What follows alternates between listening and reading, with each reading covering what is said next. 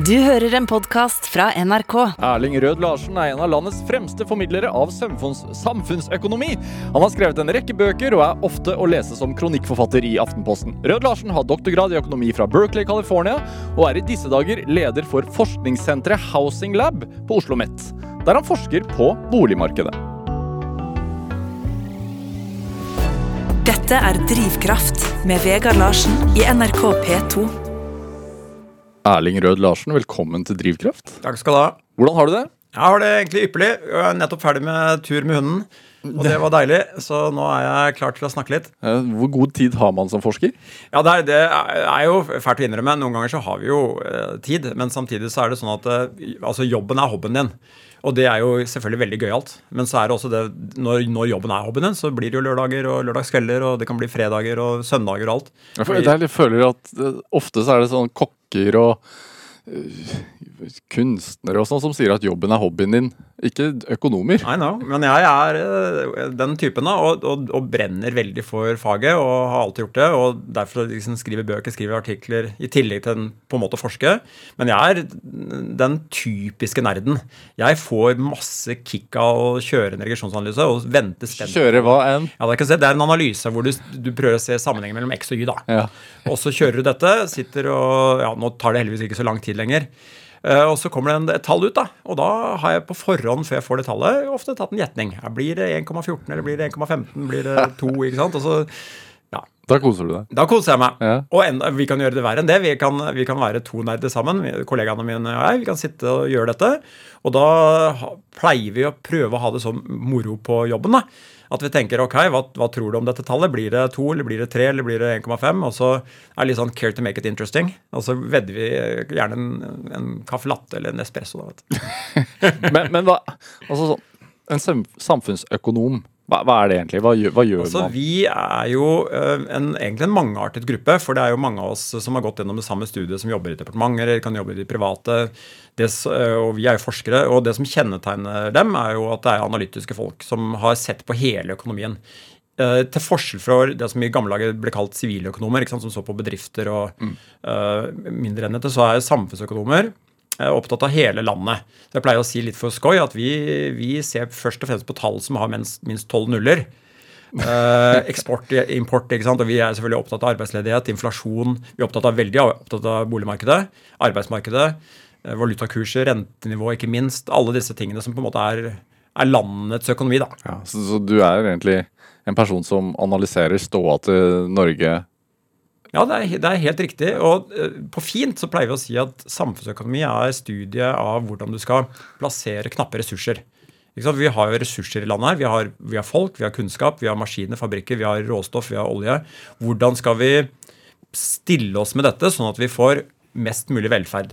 Så, så, økonomer, eh, i hvert fall den samfunnsøkonomiske typen, er ikke så opptatt av profitt og på en måte overskudd osv. Vi er mer opptatt av hvor mye bang for, kan vi få for debakk, da, ikke sant? Uh, glede. Ja. Uh, hvordan kan vi stille oss sånn i landet vårt at vi skaper velferd for alle, da? Ja, For flest mulig? For flest mulig. Ja. Er det jeg, jeg, sa i innledningen her at du, du leder for noe som heter Housing Lab på Oslo OsloMet. Ja. Du bruker så mye engelske uttrykk der nede. Ja, og det, det, er, det er egentlig halvveis med tungt hjerte jeg gjør det. Jeg er jo eh, også veldig opptatt av språk. Ja. Og hvis du hadde lest mine Aftenposten-artikler, det har blitt ganske mange av dem etter hvert, så hadde du sett at jeg anstrenger meg egentlig for aldri å bruke engelske ord, til tross for at jeg i dagligtalen selv gjør det. Jeg har jo bodd i USA i fem år. Eh, fordi jeg syns at vi skal på en måte ivareta det. Ja. Eh, så, men det, var, eh, det kom inn som et forslag om å kalle oss det. Vi er jo også veldig internasjonalt rettet. Og jeg tenkte at det, det klinger så bra at jeg skal på en måte svelge Eller hva er, man svelger kanskje ikke en kjepphest, det ser dårlig ut, men, men, man på en måte man, Hva er ordet? Man bøyer seg da for det ønsket om å kalle oss det. Men dere forsker på boligpriser? Vi, eller bolig... vi forsker på boligmarkedet. Ja. Hvordan virker boligmarkedet? Ja, vi, og... Kjøp, salg, strategier, budrunder, alle mulige ting. Hvor, hvor ligger boligene? Kan vi bygge boliger? Hvorfor er det så også, for Jeg var inne på nettavisene nå rett før vi skulle inn her i studio. Og det er liksom toppen av både NRK på nett og VG på nett. Det, liksom, det handler om boligpriser. Det, det, er det, er, det, er, ikke noe unntak. Sånn er det hele tiden. Ja, ja. Alle, går, dette er jo lørdagsunderholdning. Jeg, ofte når jeg er på fest og sånn, så ender jo samtalen ut i eller opp med en, en eller annen tur. hvor det går boligmarkedet. Ja. Altså, og jeg er jo ikke den type økonom som har, har lette svar. Jeg, jeg er jo kjent for å ha sagt til folk eh, type renta kan gå opp og renta kan gå ned. ikke sant? Eh, Og min mor, eh, som hørte meg si sånne ting, tenkte oi, ti år på universitetet, og så er det det du kan komme opp med. på en måte. Men det er, jo, det er jo sånn vi er. Og, og, men boligmarkedet er jo viktig, fordi alle har jo et forhold til bolig. Altså, og mange av oss eier jo bolig, men de som ikke eier, de leier og drømmer kanskje om å, om å eie. Og, og bolig er jo det største, den største investeringen et menneske som regel gjør.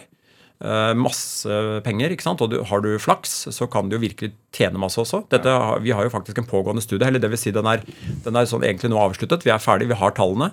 Og, det, og boligen er viktig, og, og, og, skaper også ulikhet. da. Ja, hvordan da? Ja, altså, vi har gjort Nå, nå skryter jeg litt av, av studien, så øh, 20 sekunder på en måte reklamepause. Ja. Vi har klart å følge um, eiere i tolv år. Så vi har fulgt 77 000 eiere i kortene mellom 1965 og 1990. Og så har vi øh, rett og slett beregnet hva de eier når de ikke de selger. Når de selger, så ser vi hva de har solgt for, og når de ikke selger, så ser vi hva, de, hva verdien er av eiere. Og så har vi funnet at et viktig tall som setter ting litt i perspektiv, at for dem som har eid i Oslo, hvis vi steller dem på rad, de som på en måte har hatt stor verdistigning, og de som har hatt liten, også hvis vi steller dem på rekke og rad rangert, den personen som da står på det, det som på fagspråket heter 90. prosentil, men som bare betyr at du har 90 bak deg og 10% foran deg, den personen har tjent mer Altså, du er, du, er- du blant de 10% Helt riktig. Det er liksom helt mest. ytterkanten av de 10 da, Ja. eh, som har tjent mest. Uh, den personen uh, har tjent godt, og den personen har tjent uh, 80 ganger en gjennomsnittlig månedsinntekt på verdistigning på bolig på de tolv åra. Så det betyr at det, er det som man spøkte med i gamle dager, se at du kan tjene mer om natten i senga di enn enn på kontoret på pulten. Og dette er årlig, eller? Ja, Dette var da over denne tolvårsperioden. Ja. Så, så det er 80 ganger gjennomsnittlig månedsinntekt over tolv år. Eh, Så, så det blir jo ikke akkurat like mye som eh, den daglige jobben. Men det er jo et, et stort tall. Vi snakker i størrelsesorden om uh, flere millioner kroner her. ikke sant? Og det, det er det ene. Det andre er at det er veldig stort sprik mellom de laveste og de høyeste. Så det er Så hvis du har eid en dyr bolig, så, så har du gigantiske kapitalgevinster. Og hvis du på en måte, selv i Oslo, Ja. øh, og, og kan da ikke, ikke ha tjent så mye hvis du ikke har tjent så mye selv om du har bodd i Oslo, men så er det veldig store geografiske forskjeller. Og det er forskjeller mellom kohortene òg. 1965-kohorten har kommet veldig gunstig ut. ikke sant? De var jo omtrent i nå skulle jeg til å si prime position, men nå er vi enige om at jeg skal bruke ikke bruke engelske ord. men, men ble du overraska over dette her? Nei, og det er det, fordi det er jo noe med at Jeg pleier å si at forskning er jo ofte sånn at vi ser på ting som også du nesten vet svaret for. Og så blir dette sånn noen ganger litt latterliggjort. ikke sant? At det, å, akkurat som vi trengte forskere for å vite det. Men da er jo mitt filosofiske svar da, at menneskeheten trodde i 10 000 år at jorda var flat. For det var jo åpenbart. Du tittet ut øh, av hulen din og så at jorda var flat.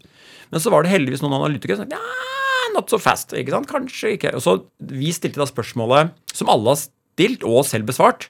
Er boligmarkedet en ulikhetsgenerator? Altså, vi ante jo at svaret ville være ja. Men, men for det første så kan det tenkes at folk eh, byttet rundt og, og sånn. At det, på individplan så var det annerledes enn på boligene. da. Vi ville jo følge mennesker, ikke boliger. Men samtidig så igjen, det å kunne dokumentere noe gir jo mye bedre tallgrunnlag enn bare å synse. Altså vi vet at det er sånn fordi vi vet at det er det, og liksom svogeren min sa det, liksom. Det er det ene. Og det andre er at vi var jo også litt opptatt av graden. De, ja, boligen skaper ulikhet, men i hvilken stor grad? Og det føler jeg at denne rapporten, som alle kan finne, by the way, den, den les, leses eh, på nettet hvis dere vil, på Housing Labs hjemmeside. Og så har det igjen forenklet hvor, i hvor stor grad skaper det ulikhet? Ja, så i, i, hva ordet? I veldig høy grad. Altså, det, det, altså I størrelsesorden at du Hvis du bor i Larvik, hvor jeg kommer fra, kontra i Oslo, så snakker vi om liksom flerfoldige årsinntekter. da. I forskjell bare på den reisen du har opplevd ved å De siste tolv årene. Ikke sant? Jeg, ja, helt riktig. Eller i, helt presis fra 2007 til 2019, som vi fulgte. Og da som samfunnsøkonom, hva tenker du? Hvor mange timer har vi? Nei, eh, jeg, jeg blir jo litt urolig. Fordi dette, dette med bolig er jo så viktig, og som rammer så mange. Og så er det det med at når det blir Spol tilbake. Ulikhet, i hvert fall stor ulikhet, er gift for samfunnet. Det skaper enorme sosiale spenninger. Det skaper irritasjon, det skaper ønske om plutselige endringer. Det er syndebukker. Det, er- det skaper veldig mange ting. Litt ulikhet eh, dette er kanskje kontroversielt, men litt ulikhet tror vi kanskje er sunt. Det skaper på en måte Hvorfor er det sunt? Altså den insentivet at å, jeg skal I'll make it big, eller jeg skal liksom prøve på noe. Hvis alle på en måte visste at det, ok, vi, vi tjener nøyaktig likt uansett hva som skjer, så hadde det kanskje blitt mindre drivkraft. Dette, så det er liksom insentivteori. Vi tror på at det å, å ha noen insentiver. Men jeg pleier også å si til mine studenter at insentiver er jo er dynamitt. Altså Insentiver er skummelt. Det er, det er kraftfullt, men du vil ikke ha det i stua. Du må tenke gjennom hvordan du arrangerer insentivene. Og det er på en måte på bedrifts- eller samfunnsplan. Men når det gjelder bolig, så er det det ville jo være ganske skummelt for samfunnet om folk hadde en tanke av type vi må inn på boligmarkedet i Oslo for overhodet å klare å henge med. Ja. Og uh, sannheten er jo at i de siste årene så har det jo vært sånn. Altså Hvis du hadde to like personer, at du tar tvillinger for å ha dem dønn like, den ene bosatte seg i Larvik og den andre i, i Oslo, så vil den kapitalgevinsten som den som bosatte seg i Oslo har, være liksom flere millioner større. Og den personen kunne da flytte tilbake jeg, Larvik er ikke tilfeldig, det er der jeg kommer fra. Ville jo flytte til Larvik og kunne på en måte kjøpe seg en helt annet Kall det livsutfoldelsesrom, da. Komme tilbake som konge. Rett og slett. Jeg kunne jo selv ha gjort det nå. ikke sant? Jeg har jo bare sittet tight i, min, eh, min, i mitt rekkehus. Ganske lille rekkehus eh, på, på Slemdal i Oslo. og kunnet Et dyrt område, da. Veldig, og den har da opplevd eh, en verdistigning som, som jeg jo ikke på en eller noen måte har gjort meg fortjent til. Dette har jeg bare opplevd ved å, å, å bo der. Jeg føler jo selv at jeg derimot jeg gjør meg fortjent til min lønn. ikke sant? Jeg jobber døgnet rundt, holdt jeg på å si. Eller, eller uh, i hvert fall ganske mye. Og det er den ulikheten som vi er litt urolige for på boligmarkedet. Men det har man vært ganske lenge. Veldig lenge. Og det er jo sånn sånn og man har visst at, eh, eh, at utviklingen også går er jo det, Vi har jo en stund å snakke sammen, så medisinene kan jo være litt upopulære. For en av medisinene her er jo å bygge mer i Oslo. Og, og hvis du Men er det plass til det, da? Det Er ikke det man sier? ja, det kan du si. Ja. Eh, men eh, jeg som er eh, den klassiske nerden, jeg har jo ønsket å ta dette i øyesyn selv, så jeg sykler rundt overalt og ser, tenker sånn Ok, her kunne jeg bygget, her kunne jeg bygget, her kunne jeg bygget. Og det er, det er plasser i Oslo, altså. Det vi har beregnet på Housing Lab, er at hvis du hadde klart å bygge 10 000 boliger så, hadde, så sier beregningen, med alle de forbehold vi er nødt til å ta, at da ville prisene falt med 10 så med, nå, og nå skal det litt til å bygge 10 000 boliger, men det er ikke umulig. Vi har jo en, rundt 300 000-330 000 boliger i Oslo, så det ville jo ikke være en, en enorm økning. Men det ville være en økning som ville ha mer, blitt merket. da. Men det som er problemet med det Så lenge ikke folk uh, ja, For nå kommer vi over på investerer og har det som sekundær Ja, det er, ikke sant, det er mange, det er mange ja. det, ja, Men likevel så tror vi at hvis noen hadde tatt dette som sekundærboliger, da, så hadde det For det første så hadde det vært da Hvis du hadde spurt Spor tilbake igjen. Hvis du øker boligmassen med 10 000, så har du gjort noe veldig lurt. fordi da har du endret de reelle forholdene i byen. Da er det flere boliger. Så er det selvfølgelig sånn at det er viktig hvem som eier dem. Men i det tenkte tilfellet hvor alle blir eid av bare én person, da, en skikkelig bolighai La oss for moro skyld kalle ham Erling Rød Larsen. ikke sant? En skurk som bare skal tjene masse penger. Så er det jo likevel sånn at da ville du ha tilført dette markedet mange flere boliger. Så da ville du være leietager, ikke sant? så du blir eh, presumptivt noe billigere å leie. Kanskje flere ville ønsket å leie. Når de flyttet for å leie fordi det var plutselig gunstig, så ville de solgt sine boliger igjen. ikke sant? Så det som, Og nå er vi ved kjernen i samfunnsøkonomifaget. For det er jo mange løsninger som verserer, og mange av de løsningene går jo eie til leie, og det er, det er hyggelige ting. Men mange av de løsningene er egentlig det vi vil kalle kosmetiske løsninger. Fordi de ikke rører ved roten av problemet. Nemlig de bare sjøfler rundt på de boligene vi har. Mens problemet er jo at vi ikke har nok boliger. Ja. Så du må starte med den fysiske, reelle løsningen. Få flere boliger der folk vil bo. Og så må vi se på ok, sammensetningen av dem igjen. Hva slags boliger, hvor skal de være? Helt riktig. ikke sant? Kjempeproblem. Og, og dette, vi, vi har jo snakket mye om dette allerede, fordi alle lytterne også vet at dette med boligmarkedet er jo jeg pleier å si, Norges nest viktigste marked. Det viktigste markedet er jo arbeidsmarkedet. ikke sant? Vi, vi må skape de verdiene vi skal nyte. Så arbeidsmarkedet må funke. Men arbeidsmarkedet vil ikke funke hvis ikke boligmarkedet funker. Det er jo det er valg nå. Ja. Uh, og, og rett før vi gikk inn der, så sa du sånn Da får vi se da om vi får en boligminister. Ja, det er jo en veldig spennende tanke. Jeg, jeg håper jo på dette. Boligminister ville jo vært veldig spennende og Ja. kommunisert med og tenkt. Og, og det kan hende at det er såpass kraftige ting som må til for at vi skal Minister Rød Larsen, er det det du tenker? Er det Jeg er jo forsker i meg selv, så jeg ville aldri funnet på å, tort eller eh, komme inn i politikken. Det er veldig, veldig mye lettere på en måte å gi folk en meny enn å faktisk ta det, det valget på menyen. Men, men jeg sier dette nå, sitter jeg og gliser her, men fordi det som er problemet Problemet er jo øh, et dypt samfunnsøkonomisk problem. Hvis du, La oss si du vil bygge boliger i Oslo, da, og, og mange, ikke bare flikke på problemet, så er det sånn at det, øh, det vil danne seg insiders and outsiders. Igjen dette engelske. Innsidere og på utsiden folk. Hva er det jeg tenker på? Jo, la oss si at du har et prosjekt. Dette prosjektet kan være ganske sentralt beliggende. Du skal bygge kjempemange boliger. Da er det sånn at noen vil jo tape på dette de, naboene vil jo miste utsikt, de vil få trengsel, de vil ha byggeplass i fem år. Grøntområdet blir borte. Masse, det, det, kan det, med mindre man da er skjønnsom og bygger enda flottere. Jeg har jo gjort et poeng at noen ganger så kan det bli bedre etterpå. Litt avhengig av hva du gjør, da. Men det kan også, man kan i hvert fall frykte at det blir verre. ikke sant? Og det som da oppstår, er jo typisk at disse som én, de vet hva de har å tape. De vet jo hvem andre som har å tape, det er jo naboene, så de danner allianser og de underskriftskampanjer, og de vil, de vil stoppe dette her. ikke sant? Uh, de har noe å tape, og de er motiverte til å stoppe det. Så er det sånn at i denne saken her så finnes det jo også noen som har gevinster i dette. Som vi på engelsk da kaller outsiders, mens på norsk ville blitt de på utsiden. da. Mm. Hvem er de? Jo, det er jo Hansen i Tønsberg som ennå ikke har flyttet til Oslo. Han vet ikke engang selv at han hypotetisk hadde flyttet til Oslo om fem år. Hadde det vært billige boliger her. Du kan ha en familie i Drammen, du kan ha mange folk. Disse, én, vet ikke hvem de andre er. To, de vet ikke engang hvem de selv er. Fordi de vet jo ikke at de hadde flyttet. Og tre, de vet jo ikke hva de har å vinne. Så da har du den, den litt grusomme situasjonen at innsidernes tap kan være konkret og betydelig, men mye mindre enn gevinstene til outsiderne. Så hvordan skal vi da få til denne, disse gevinstene og eventuelt kompensere eh, taperne? Jo, det må jo være at samfunnets på en måte fellesskap tar disse beslutningene. Og, og, det er myndighetene. Så Det er derfor jeg tenker at den ideen om å ha en eh, en boligminister. Kanskje, kanskje, det er kraftfullt nok da, til å, å tenke at vet du, nå må vi, vi må prøve hardt og se på hvordan har vi arrangert oss med de boligene vi har i landet vårt. Hvor skal de ligge? Mm. Ligger de optimalt? Ligger de tilpasset 1950? We don't know. Vi skal finne ut av dette. Men, men også, siden du har forsket på dette her og har sett på ting over tid, da, du har sett utviklingen også, hva tror du da?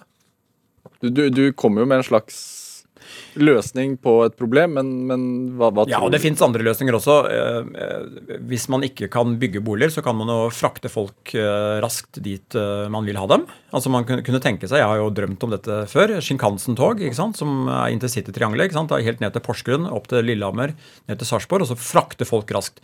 Nå er det jo til og med sånn at det er mulig covid kommer med en aldri så liten løsning. da. Covid har jo tvunget oss til å lære noe nytt. Ja, helt riktig. Altså, hvis, hvis, vi kan tenke tanken at veldig mange ting av de tingene vi gjør i Norge, nemlig let's face it, det vi gjør, er jo å drive med kunnskapsøkonomi nå. Uh, hvis dette kan utføres på hjemmekontoret, så vil jo det i hvert fall dempe presset uh, på de sentrale strøk. da. Ja, Eller eventuelt uh, øke behovet for større bolig fordi at du trenger et kontor? Ja, og, men så kan du si det, det, vil nok oppstå, vil jeg regne med. Men uh, hvis du er fra Larvik, da, eller vil flytte til Larvik, hvor jeg kommer fra, der er plass nok. Du kan bygge både 200 og 300 kvadratmeter. ikke sant? Det er uh, fullt av plass. Dette er Drivkraft med Vegard Larsen i NRK P2. Og i dag er uh, samfunnsøkonom Erling Rød Larsen hos meg i Drivkraft på NRK P2. Hvor mye tenker du på økonomi? jeg, jeg tenker veldig mye på økonomi. Eh, det er nesten, sånn, nesten flaut og pinlig å avsløre hvordan jeg kan være, men jeg er jo en sånn type som Altså, jeg kan finne på å gå hjem fra fest klokka tre om natta og så se på en måte masse stillstand på infrastrukturen vår. da, ikke? Sykehus som står mørkelagt, røntgenapparater som jeg da aner bak veggene står uvirksomme, fabrikker og alt. Så tenker hm, dette er jo viktige samfunnsøkonomiske ressurser. De burde jo egentlig tikke og gå hele tiden. så jeg er jo eh, mann av verden, så jeg skjønner jo at man kan ikke ta røntgenbilder klokka tre om natta. Men, men, det kommer fra et, på en måte et, et, et sted hvor jeg bryr meg om samfunnet, nemlig det at eh, vi vil jo gjerne ha velferd. Og den velferden skapes jo av nettopp røntgenapparater og veier og, og, fabrikker. ikke sant? Ja. Og da er det jo sånn at det, eh, ville vært veldig gunstig for oss om dette kunne tikke og gå i, litt i bakgrunnen, da. men på en, et ord som vi liker å bruke, optimal måte. Fordi at man har investert i det? Ja, det er jo veldig dyre ting. Ja. eh, som eh, å ta et røntgenapparat. ikke? Det koster jo, dette koster reale ressurser å få anskaffet seg. Eh, og det at den står uvirksom, det koster jo samfunnet nå. Så, som fra samfunnsøkonomisk perspektiv så burde man egentlig få innkalling til røntgenavtale sånn halv tre om morgenen. Eh, Dette, dette nå, Hvis jeg skal svare på det, så aner jeg at dette kunne nesten bli til overskrifter. eh, Men det det men, i- Men i prinsippet så ville så jeg, Jeg må jo tørre å stå for det jeg mener. Ja. Sannheten er jo ja. Hvis vi kunne utnytte Tenk deg tilfellet hvor du ingen røntgenapparater kunne brukes mer enn 12 timer i døgnet kontra 24 timer i døgnet. Ja. Med 12 timer måtte du ha dobbelt så mange røntgenapparater. ja. Du slutter ikke å eh, pumpe opp olje om natta, si. Nei, det er det. Så, så, og dette, dette sier jeg nå med tunga godt plassert i kinnet eh, og med et smil, men også med en snev av alvor, da. Fordi alle økonomer, hvert sitt visittkort, er jo opptatt av ressursene som landet har. Og hvor skal de plasseres, og hvordan skal vi få velferd ut av dem. Hva er det som irriterer deg mest? Hvor er det Jeg, og nå er jeg i ferd med å si noe veldig upopulært. Kjør på. Jeg, jeg syns det er fryktelig synd at ordet sentralisering har blitt et skjellsord. ja. Fordi det er uh, sånn at det å samle mennesker, det er, jeg mener det er noe poetisk vakkert over det. Altså, Menneskelivet uh, er kort, uh, og det å komme sammen med andre mennesker, det må jo i utgangspunktet være en, både en hyggelig og god ting. Og når vi da i tillegg samfunnsøkonomisk vet at det er mange gevinster å høste ved det, nemlig det at vi kan få til mer hvis vi samler folk, så syns jeg det er synd at hvert fall det i utgangspunktet er blitt et skjellsord. Men er vi ikke ganske sentralisert her i landet? Jo da, vi er ganske sentralisert, men, øh, men hvis du ser på mange andre land Altså, jeg har en dansk kone. Uh, danskene er mye mer sentralisert enn oss. Nå har de selvfølgelig helt andre forutsetninger. De har ikke fjell og elver og ulendt terreng og snø og så videre å forholde seg til. Men de har jo f.eks. tatt grep som ikke hører til naturen, men er mer organisatoriske grep. da. Altså, Så vidt jeg vet, så er det vel under 100 kommuner der, f.eks. Det er like mange mennesker som oss. Hva, hva, hva er gevinstene? Altså Gevinstene ved organisatoriske grep er jo ofte å finne sånne stordriftsfordeler. Ikke sant? At Du, kan, eh, du trenger bare én ordfører hvis du har en, hvis du har en kommune, istedenfor fem hvis du har fem. Uh, og Det var jo kanskje et litt søkt eksempel, men det er, det er veldig mange bygg, det er mange ting du skal organisere seg ved. Og, og på fagspråket så kommer alt dette her inn under nettopp dette deling, kaller de det på fint. På, på virkelig fint så snakker man ikke om sentralisering, man snakker om noe som heter agglomerasjon. Altså det å samle på en måte økonomiske ressurser. Og så sier man at det er store agglomerasjonsgevinster. Og en av dem er jo nettopp det at eh, hvis du samler mange nok mennesker, så kan du bygge et stort rikshospital istedenfor fem middels. Det er andre gevinster eh, som er estimert opp og ned. eh, og kanskje den, den viktigste er dette med læring, altså idégenerering. Det viser seg at de byene som er store, de får mange flere ideer per hode. Og dette er jo viktig. De, per hode så får de flere ideer enn de små byene. Hvorfor det? Ja, det, Der må jo økonomene gå over gangen til psykologene. da. Fordi vi er jo ikke helt sikre på hvorfor det er sånn. Men det vi vet, er at når mennesker kommer sammen og, og provoserer hverandre, utfordrer hverandre, spør Den ene ideen tar den andre. Det er, det er psykologer som kaller det for the adjacent possible. Nemlig det at hvis, La oss si du skal gå fra A til H, da. Og så er det ingen mennesker i verden som klarer å se den linken. Men det de kan klare, er liksom A til B. Og så er det et rom hvor det er mange mennesker, og så så er det en eller annen som sier ja, hva med B, da? Å, B, da er det løst. Ok. Og så er det en som sier C. Ok, C, da. Og så er på vei, da. Og det er, en av de tingene som er lansert som forklaring på den, det fenomenet som vi bare ser, at når mennesker kommer sammen, så kommer det gode ideer. Og det klassiske erkeeksempelet er jo Silicon Valley. Det er, en, det er en grunn til at folk velger å dra dit og bosette seg der og, og oppfinne enormt mange ting. eh, Til tross for at det, er eh, ek, ekstremt høye boligpriser der. Og de kunne jo fått et slott i Idaho istedenfor å bo der. Men de, de ønsker å ønsker å dra dit for å på en måte nyttiggjøre seg disse ideene. Men, men som da samfunnsøkonom som ser på det, altså de gode ideene, eh, nytte, økonomisk nytte for storsamfunnet, Ja. hvor mye ser dere på liksom det menneskelige aspektet? Det gode liv, ro eh, Vi, vi ønsker jo å Er det med på en akse? Ja, ja? Vi, vi, vi ønsker jo Når vi snakker om velferd, så er jo på en måte all velferd legitim. Altså, altså hvis, du, hvis man får veldig mye glede av Jo, men det er en del man ikke kan legge inn i et Excel-ark. Det er akkurat det.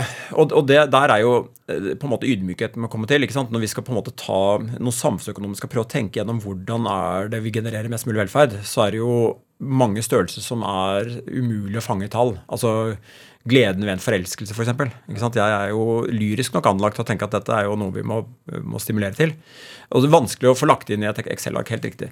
Men det man da tenker, er at man kan prøve å legge til rette for det på, på visse måter. Og så alltid, alltid behandle alle tallsvaret man får, med en viss omhu. Sånn at man ikke tror at tallet er svaret, men at tallet kanskje gir en pekepinn på noe som er viktig blant flere ting. da.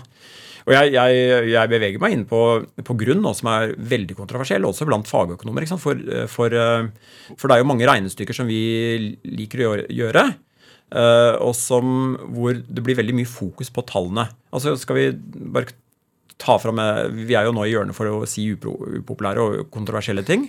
Altså En av de mer kontroversielle tingene er jo om Norge skal arrangere et OL. Ja. Ikke sant? Og, og, der er det jo veldig lett å ha veldig mange meninger. Og så er det sånn at uh, en del av de regnestykkene som presenteres, det er jo ganske sikre regnestykker. Vi, vi vil gå med underskudd, vi skal bygge mange ting. gjøre, Der, der kan vi med ganske stor treffsikkerhet treffe riktig. Se at det ikke lønner seg? Sånn, ja. ja. Og, så, og, så, kommer da samfunnsøkonomene på banen med, med, sitt litt teoretiske analysestruktur og sier at ålreit, tenk over dette. Uh, og nå, nå, er jeg i lærerrollen, altså, så alle lyttere må ha meg unnskyld, for nå er det litt sånn Econ 101 her. Uh, at uh, på den ene siden så deler vi Spol tilbake. Vi liker å tenke på noe som heter samfunnsøkonomisk overskudd. Eller samfunnsoverskudd. Det består av to deler. Produsentoverskuddet og konsumentoverskuddet. Og hvis du tillater, så skal jeg ta dette veldig raskt. Produsentoverskuddet det er det produsentene tjener, selvfølgelig. Det er forskjell mellom prisen og det de har som kostnader. Eh, så, For eksempel? Ja, altså du, du selger eh, en, en, ting til 100 kroner, men du, kostnaden er 50, så er overskuddet 50 kroner. Ja. Men så hold oss til dette. La oss kalle denne tingen for bradings. da, bare for å ta et eksempel. Bradings koster 50 kroner laget. Produsenten selger den for 100. Overskudd 50. Så har du en konsument som er villig til å betale 200 for dette. Da sier vi at konsumentoverskuddet er da 200 minus 100, for den personen må jo betale 100, men er villig til å betale 200. Og det vi tror, er at det tallet er ganske viktig. Vi tror ikke det er irrelevant. Det at konsumentoverskuddet er 100. Men problemet er at det kan du, du ser ikke noe sted. Du har ikke noen kvittering på dette. Produsentoverskuddet har du en kvittering for. Konsumentoverskuddet er altså det som folk hypotetisk er villige til å betale, men ikke må betale. Så det må du estimere. Og, og, det er selvfølgelig veldig tricky. Og til og med tilstedeværelsen av det vil jo noen betvile. altså Hva er vitsen med å tenke på dette konsumentoverskuddet? Men svaret mitt til dem er jo at jo, men det er jo faktisk sånn at at selv økonomer gifter seg og holder bryllup. Det er et underskuddsforetakene. Ja, så, du, ikke sant? Gjestene kommer gratis, null, og så har du en svær Den dyreste festen i livet ditt. Ikke sant? Det med sekssifra beløp. Ja.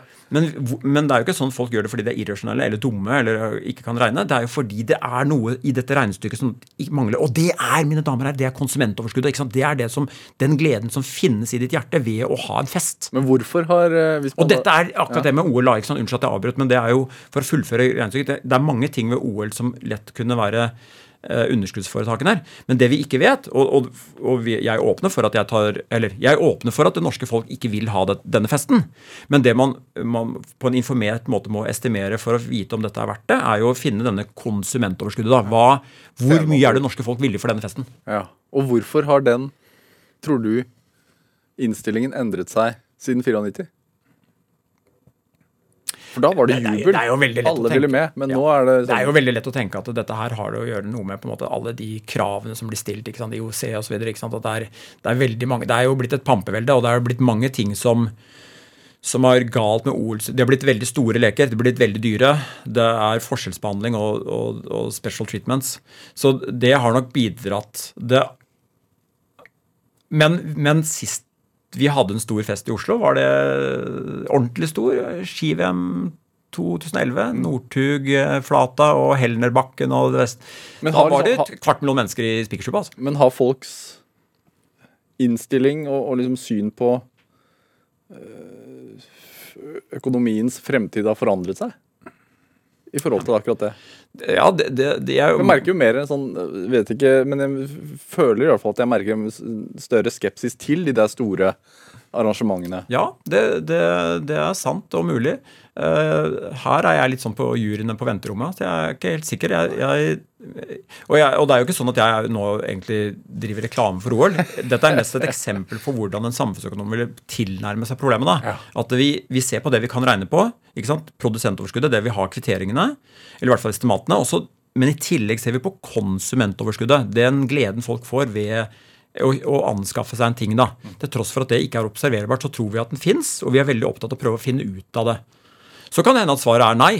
Eh, og Da føler jeg at da har, du, da har du et mye mer legitimt mm, Da har prosessen vært legitim i den forstand at da har du gjort ditt beste for å finne ut om vi skal gjøre det eller ikke. Eh, mer enn bare å, å synes, da. Er det derfor folk også er villige til å ta opp så store lån? Jeg tenker vel at det, det, kanskje analysen er litt annerledes der. For det der er det nok mm, I hvert fall veldig mange tenker at dette her Der ser vi alle tallene. Og vi, vi har god grunn til at dette her kan gå i, med sorte tall kan bli gå i pluss. Men det er jo klart at vi i vårt fag så vet vi også at det, det, vi har et begrep som heter å være myopisk, altså kort, kort eller nærsynt. da. Du, du tenker ikke nødvendigvis over hva som er best for deg de neste 30 åra, men du tenker kanskje mye kortere enn det. Hva som er gunstig her og nå. Og hvis vi vender tilbake til boligmarkedet, så er det klart at hvis det er et lån som skal til, og du regner med at du kan i hvert fall håndtere dagens renter, så kanskje klinker det til. Men der har vi igjen heldigvis et regelverk da, som skal passe på publikum. Ja. Eh, Erling Røde Larsen, du har vel med, eh, har med musikk? Eh, Bruce Springsteen, eh, 'Racing in the Street', er det fra tiden din i USA?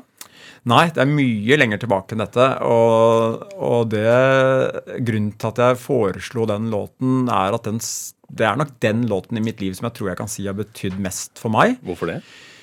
Nei, dette, dette nå blir det litt sånn eh, Hva skal jeg kalle det? Vi skifter veldig, veldig fokus nå. Jeg, jeg var jo en ung mann som var uh, ivrig, alltid har vært. Og så var det dette med jenter, og det var romantikk og alle ting som egentlig ikke ordentlig gikk uh, den veien jeg ønsket. Og da søkte jeg på en måte trøst da, eller, eh, eller tankevirksomhet hos Bruce Springsteen. Så jeg, Denne låten spilte jeg typisk på gutterommet. Slo av lyset et, hørte på sounden, da. Denne litt såre Både såre sounden, men også Bruce Springsteens ru stemme om Og jeg, jeg skal jo ikke si at jeg ikke lyttet til teksten, for det gjorde jeg også. Dette er en story om en fyr som har en passion for biler. Eh, og så ju- trolig har han denne passionen litt på bekostning av sin kjæreste. og så kan ane det, men, eh, men skal få til tilgivelse ved å ta dem alle ut på en roadtrip til, til, til vann, til trolig Stillehavet, da, og vaske the, the sins of their faces. ikke sant? Så det er Veldig vakker tekst òg, eller, eller, eller gripende. Men sounden den er, den er helt unik. Og da, altså, i mørket, da 17 år, litt avstandsforelska, vet ikke helt hva han skal gjøre. Og så er det Bruce Springsteen. Det var vanvittig bra. Hørt den hundrevis av ganger. Når du hører den nå, da? Da er du tilbake på gutterommet? det er umulig ikke å bli beveget.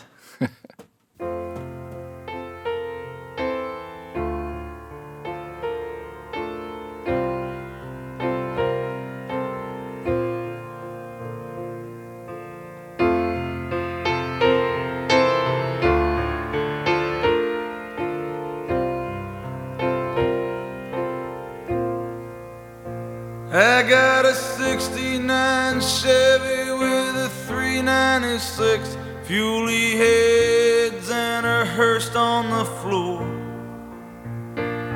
She's waiting tonight down in the parking lot outside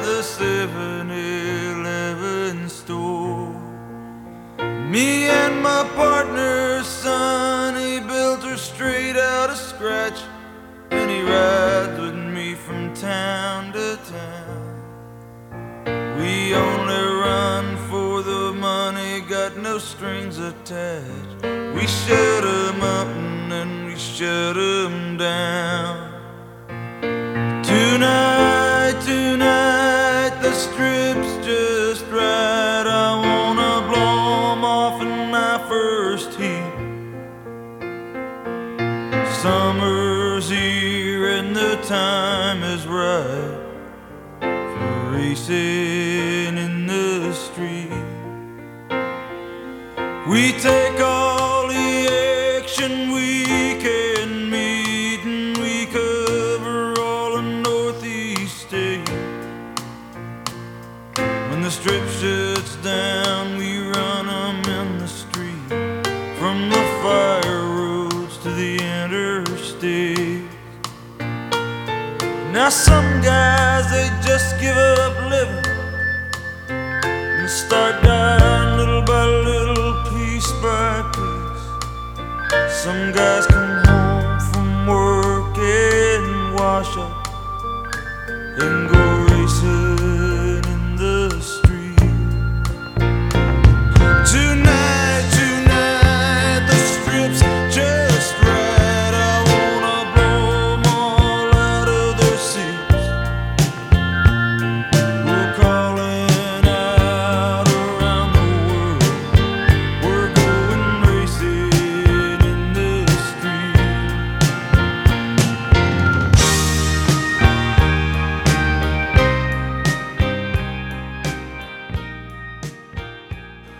fikk en smakebit av Bruce Springsteens 'Racing in the Street' her i Drivkraft på NRK P2, valgt av dagens gjest her i Drivkraft, nemlig samfunnsøkonom Erling Rød Larsen, som søtt som 17-åring lå med knust hjerte kanskje og hørte på denne på gutterommet. Var Ja, det er sånn? nærmere sannheten enn du tror, tror jeg.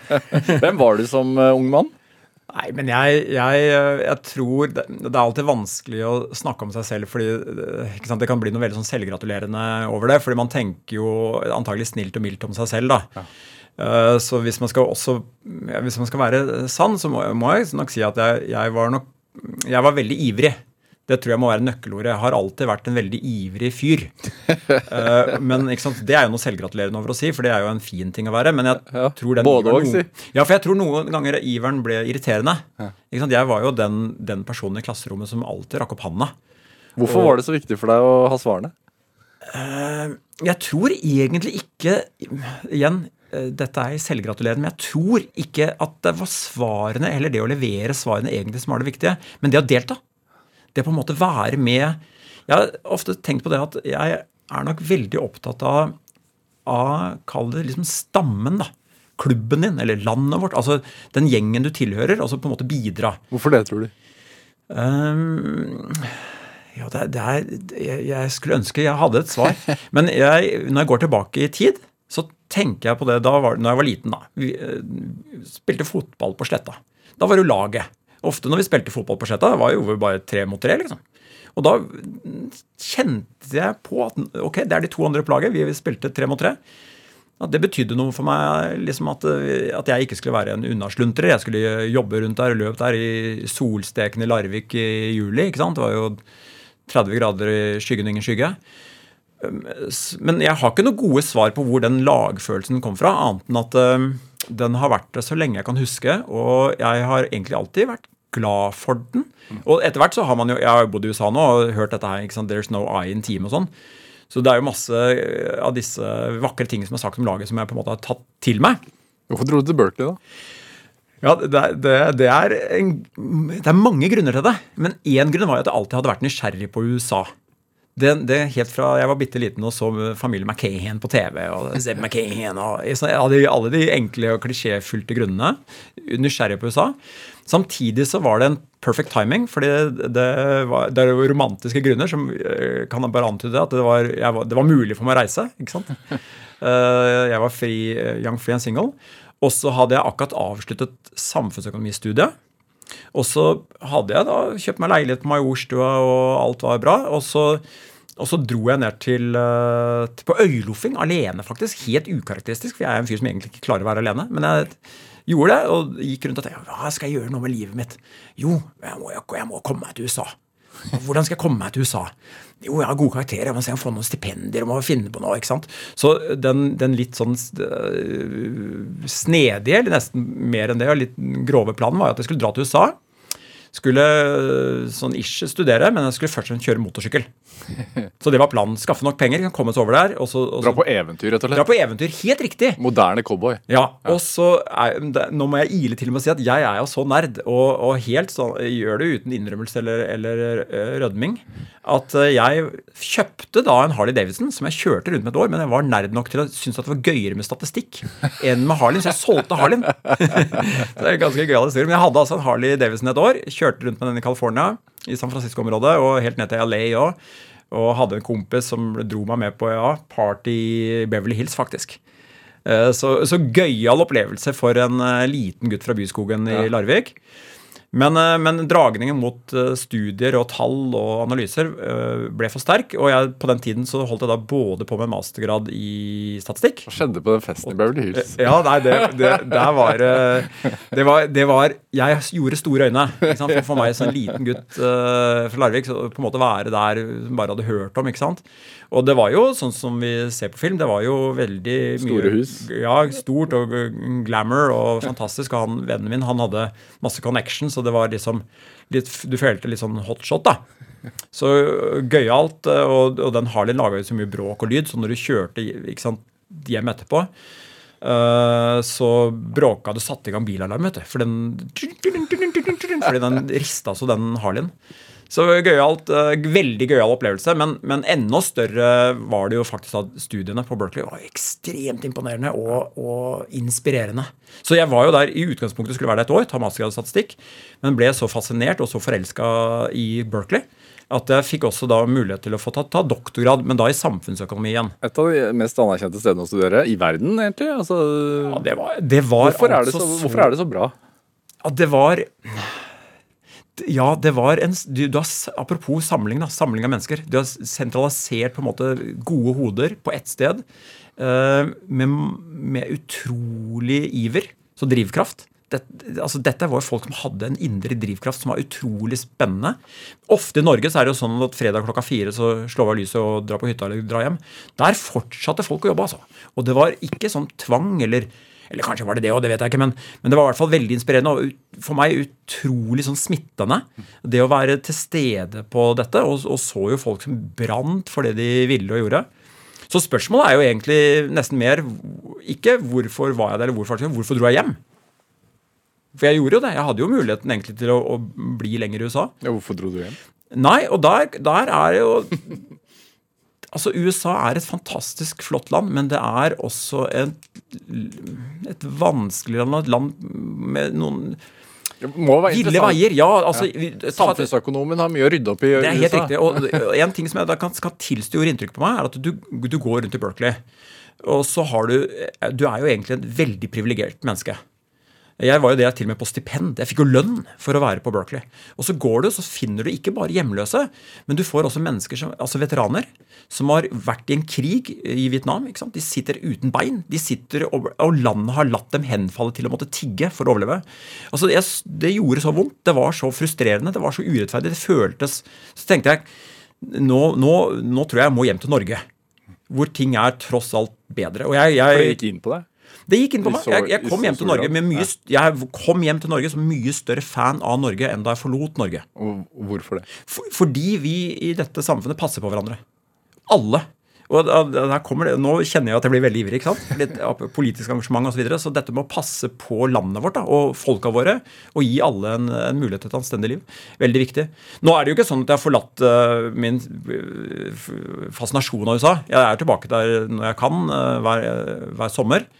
Nå har det jo vært lenge siden, men, eh, men eh, det er masse flotte ting med særlig den amerikanske entusiasmen som jeg tror vi nordmenn kan lære litt av. Men den amerikanske drømmen? Den amerikanske drømmen eh, har større muligheter og vekstvilkår i Norge. Ja.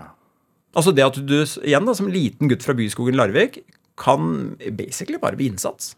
Slå deg opp og bli forskningssjef. Men driv, selve drivkraften din, altså det der engasjementet ditt, hva Kom det før du reiste til USA, eller kom det underveis? Ja, nei, det, det har alltid vært her. Jeg har spurt eh, mamma, og, og moderen er jo Jeg har nok arvet mye av moderen. Altså for moderen, apropos dame som eh, har engasjement og driv. Hun er 75 og løper rundt i, omtrent i Bøkeskogen i Larvik. Ja, hun går, da, men eh, hun er veldig ivrig og har mye iver, så jeg må nok takke mye av min energi fra genene, rett og slett. Og, og mamma har sagt at helt fra jeg var bitte liten, Uh, altså liksom nesten før jeg kan egentlig huske selv, så hun sagt at, at det var liksom veldig mye energi. da. Skulle finne ut av ting, og skulle del og, og, men ikke bare finne ut av ting, men også delta. Uh, og så er det vel sånn i livet at etter hvert som man har det som utgangspunkt, og så får du litt feedback på at dette her er gøy. ikke sant? Det, det var gøyalt å spille fotball og lyktes med driblingene, så gjør du jo mer av det. Men er du fra et akademikerhjem? Nei, pappa han drev et bilfirma. Og mamma er utdannet skredder, faktisk. Så, men, men du kan si Jeg sier et men, fordi det var jo masse bøker hjemme. Mamma er jo en bokorm som leser eh, enormt mye. Og pappa var jo veldig god i tall. Altså kjempegod med tall. Så på en måte de to tinga fikk jeg jo med meg tidlig. da.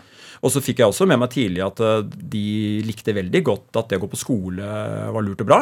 Og så hadde jeg den enorme flaksen, eller hva vi skal si. det, For dette her høres ut som ljug, så det er nesten ikke jeg tør å si det.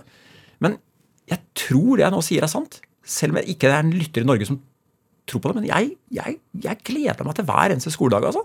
Jeg tror det. Jeg tror jeg gikk til skolen. Byskolen skole var 200 meter. Vi bodde jo kjempenære. Og, og jeg kjente liksom at dette skal bli gøy å gjøre. Men ikke bare fordi vet, det er klisjé at jeg skal lære. lære, Jeg liker å lære. Men det var også det å være blant klassekamerater. Ja, hva, hva hadde du klassekamerater?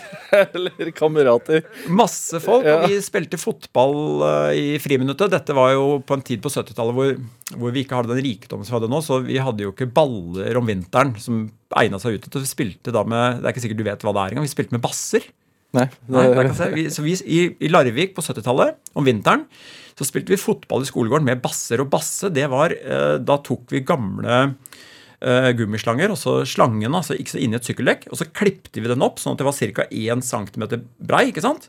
Og så hadde du masse sånne, og så sydde vi dem sammen med Vikla dem sammen da med, med tråder. Og så ble det en sånn dings som, du kunne, som var gummi, da, Ja. som du kunne spille med.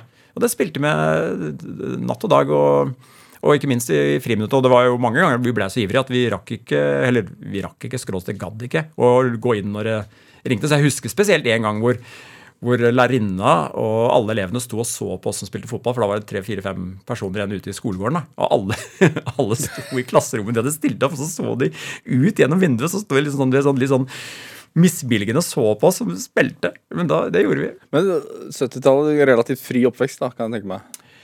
Det, ja, jeg, de, de, var nok litt av den gamle skole, moderne faderen i hvert fall. fordi jeg fikk veldig tidlig høre at eh, sånn og sånn og sånn og sånn. Uh, og jeg kan ennå Jeg håper ikke min mor lytter til dette, men jeg kan ennå liksom på en måte kjenne det blikket min mor sendte meg hvis jeg tok uh, forsynte meg andre gang liksom av dessertfatet omtrent. Altså det var litt sånn ordentlig forhold, da. Men, men likevel så var jo dette dette var jo 70-tallets Norge, som var jo en kanskje klisjé å si gullalder, men det var jo veldig, det var en fin tid. eh, Og det var en veldig fin by.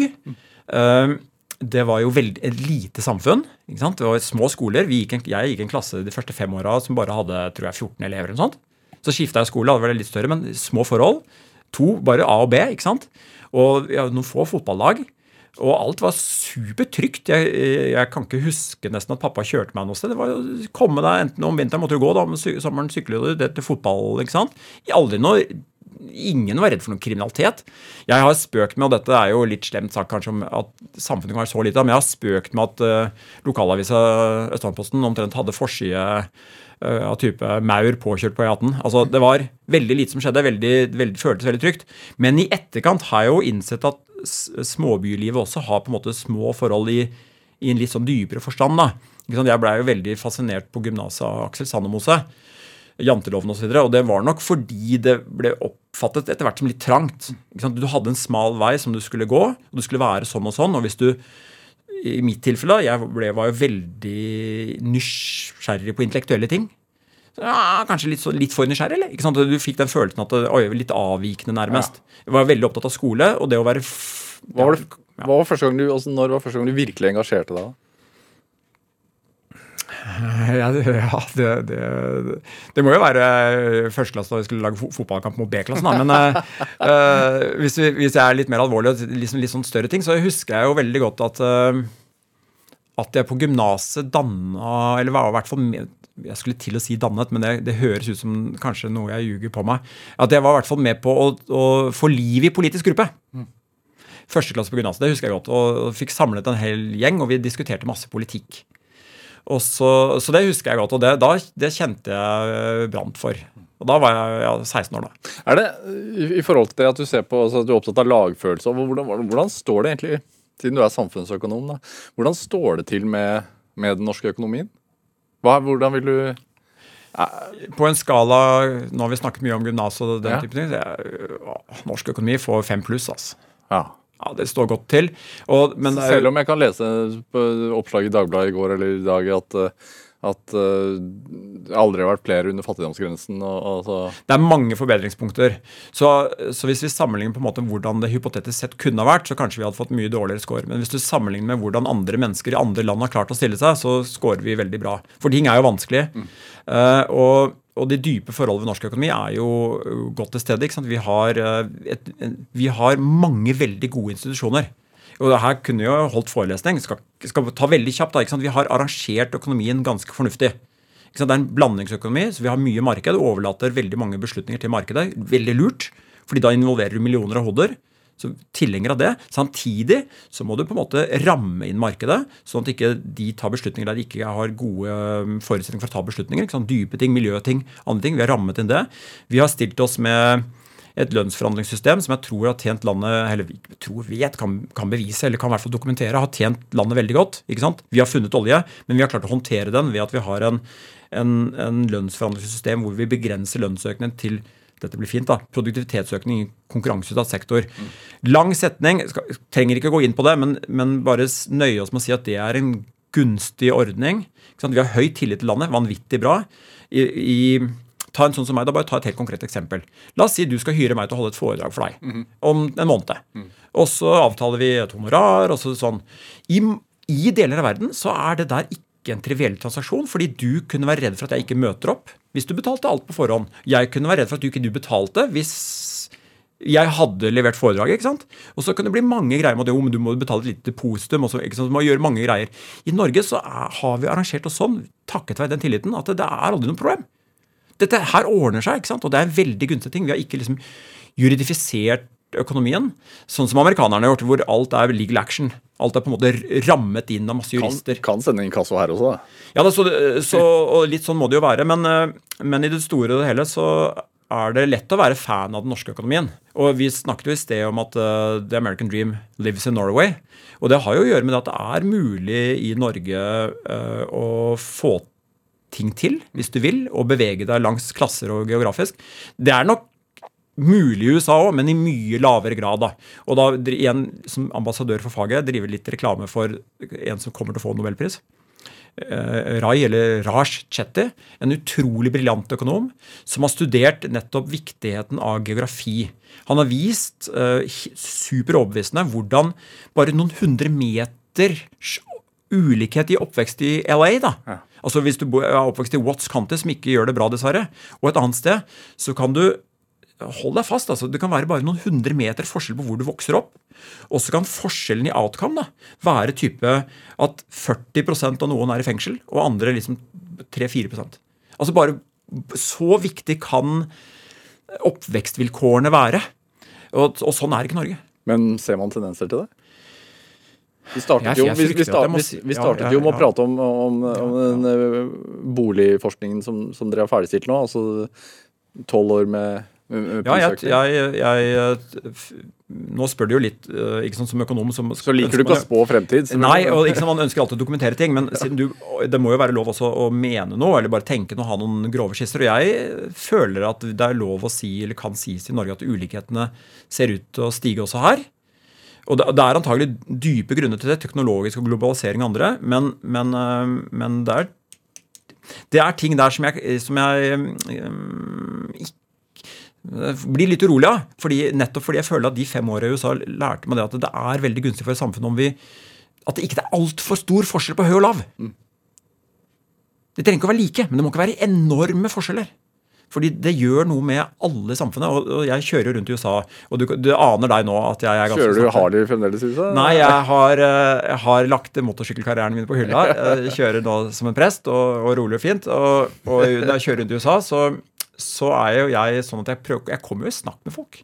Det, det, det, tror jeg på. Ja, ikke sant? Så, og jeg er sånn, dette er, dette er American side of me, som ikke er så typisk i Norge. da, Men jeg kan jo slå av en prat på to-tre-fire minutter jeg, med en barista. ikke sant? Lage kaffe. Så ja, how's it going? Og så, så snakker vi litt. Gjør du ikke det her i landet?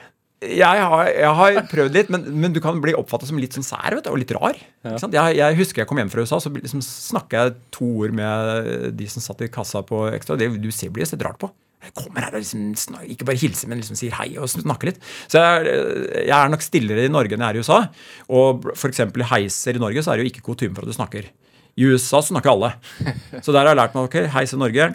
shut up. Heis USA. Feel free to talk, liksom. Ja. Og, og Føler da- deg litt mer hjemme der, da, kanskje? ja, mange ganger gjør jeg det. det er jo, jeg må jo innrømme det. At eh, den personlighetstypen min er jo, passer jo godt i USA. Men det som er greia, er at du kan Det er stor forskjell på hvordan det var for 20 år siden og nå. Fordi når, når du reiser rundt i USA nå, så er det veldig mange mennesker som er veldig sinte. Altså ordentlig sinte. Og det var, altså, det var det ikke for 20 år siden. Det var noen, men, da, men nå er det altså bredt seg en uro så kan sosiologer og filosofer og andre på en måte analysere kanskje virkelig store strømningene, men, men som en eh, sped økonom så kan vi observere at her er det kanskje noen sammenheng med hvordan økonomien har utviklet seg også. I hvert fall så er det veldig lett å notere seg at eh, i USA er folk sinna nå, altså. Og er jo mange. Erling Røde Larsen, hva gjør du når du slapper av? Jeg har hørt at du er sånn listefantast. Ja, det, det er helt riktig. Jeg elsker lister. Jeg er jo så også det som talegreier. Men, men eh, jeg går jo annet tur med hundene. Jeg er jo eh, eh, veldig, veldig glad i hunden vår, Sonny. Eh, som eh, Du hørte jo en annen Sonny på låten. 'Racing in the Street'. Så er det tilfeldig? Jeg overlater det til så i spenning. Så Hunden vår, golden retriever, han heter Sonny, og jeg går tur med han. Og tenker tall. Og tenker, Jeg koser meg jo med begge ungene mine. De har jo fått for liten plass her i dag. Eh, kona mi også, selvfølgelig. Men, men, eh, men jeg er jo ivrig også på det private, selvfølgelig. Og, og jeg har passion der òg. Og den passion som jeg bare må liksom få il til med å si, er at jeg, jeg eh, må ha 20 sekunder på å skryte av verdens beste sport.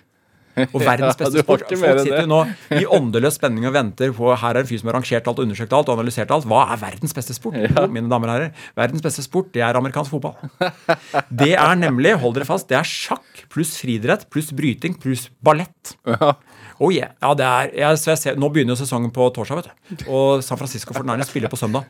Så da blir det alle sitter du da på søndagsnatt. natta. Ja, ja, da blir det søndagsnatt eh, det neste halvåret. Helt til slutt her, Erling Larsen. Drivkraften din, hva er det? Du har ti sekunder. Det er Nysgjerrighet pluss lagfølelse. Tusen takk for at du kom hit til Drivkraft. Takk, takk skal du ha. Hør flere samtaler i Drivkraft på NRK på nett, i NRK-appen, eller last oss ned som podkast. Send oss eh, gjerne ris og ros. Og tips til mennesker du mener har drivkraft. Send en e-posten til drivkraft.krøllalfa.nrk.no. Researcher i dag var Julia Martincic. Eh, Ellen Foss Sørensen produserte denne sendingen. Jeg heter Vegard Larsen. Du har hørt en podkast fra NRK. De nyeste episodene og alle radiokanalene hører du i appen NRK Radio.